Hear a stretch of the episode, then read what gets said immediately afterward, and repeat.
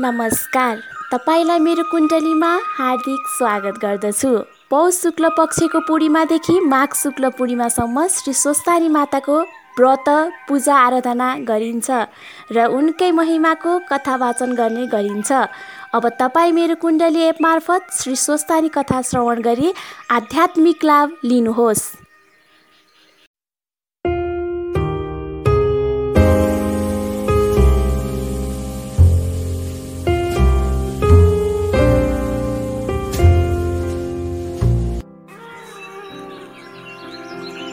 हेमरमा बडुरेन्द्ररुद्रमरुतः स्तुवन्ति दिव्यै स्तवै वेर्दै साङ्गपत्कर्मोपनिषदै गायन्ति हिं सामगा ध्यानावसित ततेन मनसा पश्यन्ति येन योगिनो। यशान्तनविदु सुरसुरगणा देवाय तस्मै नमः। श्रीमर्चन्दचर्तित्वजलवपु మాలాలంకృతకుండలా పర్వీల సమ్ముక్తావళి శోభిత. సర్వజ్ఞాన నిదాన పుస్తకధర రుద్రాక్షి మాలాకర. భాగదేవి బదనంబుజేవ వసతు మే తలోక్య మాతాచిరం. మకుం కరోతి బాచలం పంగులంగే తిగిరిం. యత్కృపాతహం వందే పరమానందమాధవం నమో భగవతే తస్మై వ్యాసాయామి తేజసే. यस्य प्रसादाचामि नरकतामियम् नारायणं नमस्कृत नरचैव नरोत्तम देवीं सरस्वती व्यास ततो जय मोदीर हरे नमः। त्रिशोध्याय। कुमारजी आज्ञा गर्नुहुन्छ कस्ता मुनि तिमी ध्यानपूर्वक सुन त्यसपछि चन्द्रावतीले गोमा रानी र आफ्ना पति नवराज राजालाई प्रणाम गरिन् र नवराजले सम्मान साथ बसालेर चन्द्रावतीलाई सोधे।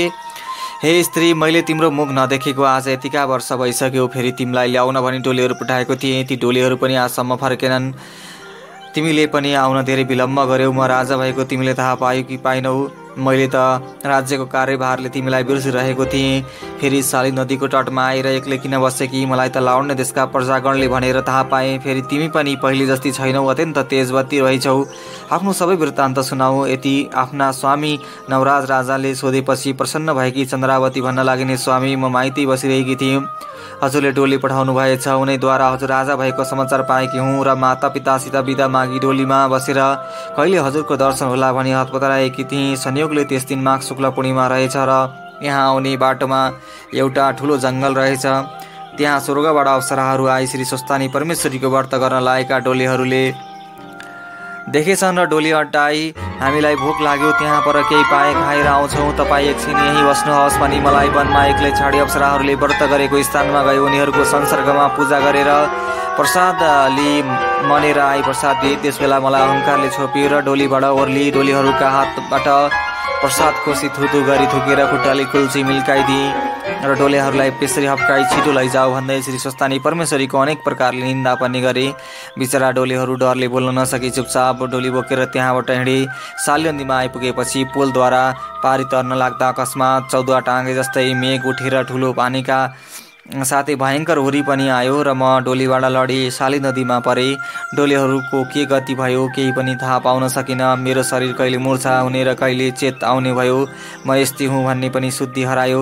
नदीकै तटमा पढिरहेँ निकै दिनपछि कपिल नामका दुई ब्रह्माण त्यतैबाट आए।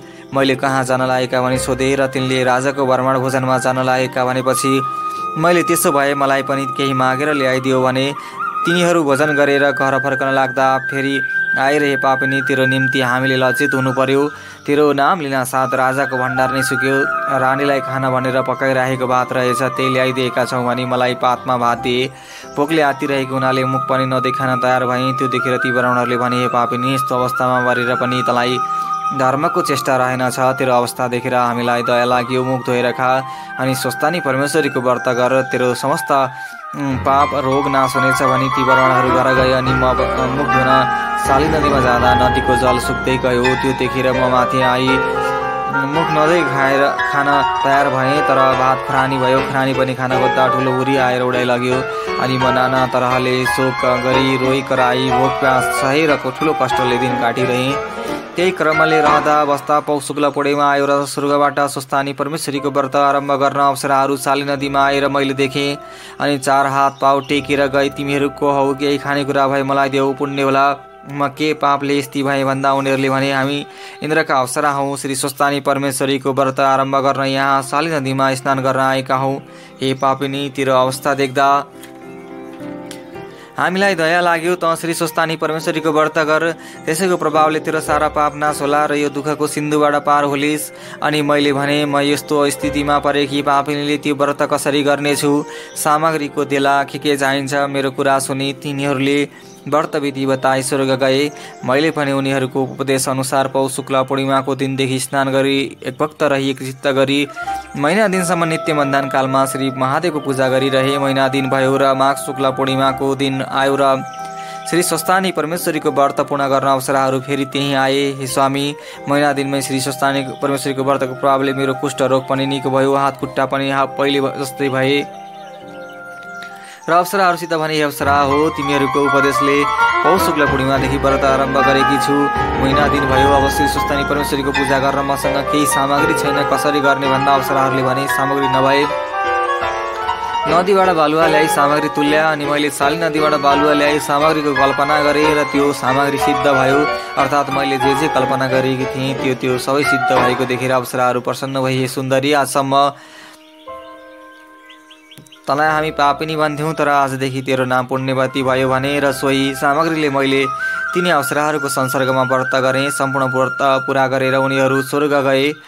अनि श्री स्वस्तानी परमेश्वरीको प्रसाद अष्टोत्तर सयमा आठवटी आठ अचेत आठ पुष्प आठ पान आठ कुलका सुपारी सूत्र र सगुन समेत दिन हजुर सामुने नहुनाले मैले गङ्गाजीमा मेरा स्वामीसित छिटै भेट होस् भनी बगाइदिएँ। प्रातकाल भयो र साल नदीमा स्नान गरी अब माइत जान्छु भनी तयार भइसकेकी थिएँ र लोकहरू लिन आए। स्वामी मैले श्री स्वस्तानी परमेश्वरीको अपमान र निन्दा गरेको पापले त्यस्ती भएर पनि फेरि उनैको कृपाले र कपिल ब्रह्माण्ड एवं सराहरूको उपदेशले म यस्ती भएर आज हजुरको दर्शन गर्न पाएँ। श्री स्वस्तानी परमेश्वरी भन्दा ठुलो अर्को कुनै पनि देवता त्रिलोकमा छैनन् भन्ने मेरो मनमा निश्चय भयो। समस्त व्रतहरूको पनि व्रत सम्पूर्ण तीर्थको पनि तीर्थ धर्मको पनि धर्म कालको पनि काल र देवताको पनि देवता यस्ती जगदीश्वरीलाई मेरो कोटि कोटि नमस्कार छ भनी चन्द्रावतीले बारम्बार दण्डवट प्रणाम गर्दै भइन्।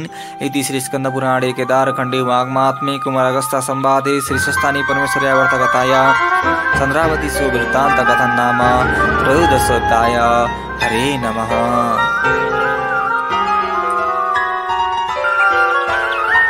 उपनयेतु मङ्गलव सकल जगन्मङ्गलालय। श्रीमान् दिनकर किरण निबोधित नव ननीन दल निवीक्षणः कृष्णकाले वर्षतु पर्जन्ये पृथिवी सस्याशालिनी देशोऽयं शुभरहितो वर्माणा सन्तु निर्भया अपुत्रा पुत्रिण सन्तु पुत्रिण सन्तु पौत्रिण निर्धना सदना सन्तु जीवन्तु सर्दा शतम् तत्रैव गङ्गा यमुना च तत्र गोदावरी सिन्धु सरस्वती च। तीर्थानि सर्वाणि वसन्ति तत्र यत्राच्युतोद्धारा कथा प्रसङ्ग। या कुन्देन्तु दुसहारहारधवला या शुभ्रवस्त्रावृता या वीणावरदण्डमण्डितकरा या श्वेता पद्मासना या वर्माच्युतशङ्कर प्रवृत्ति दीर्घै सदा वन्दिता।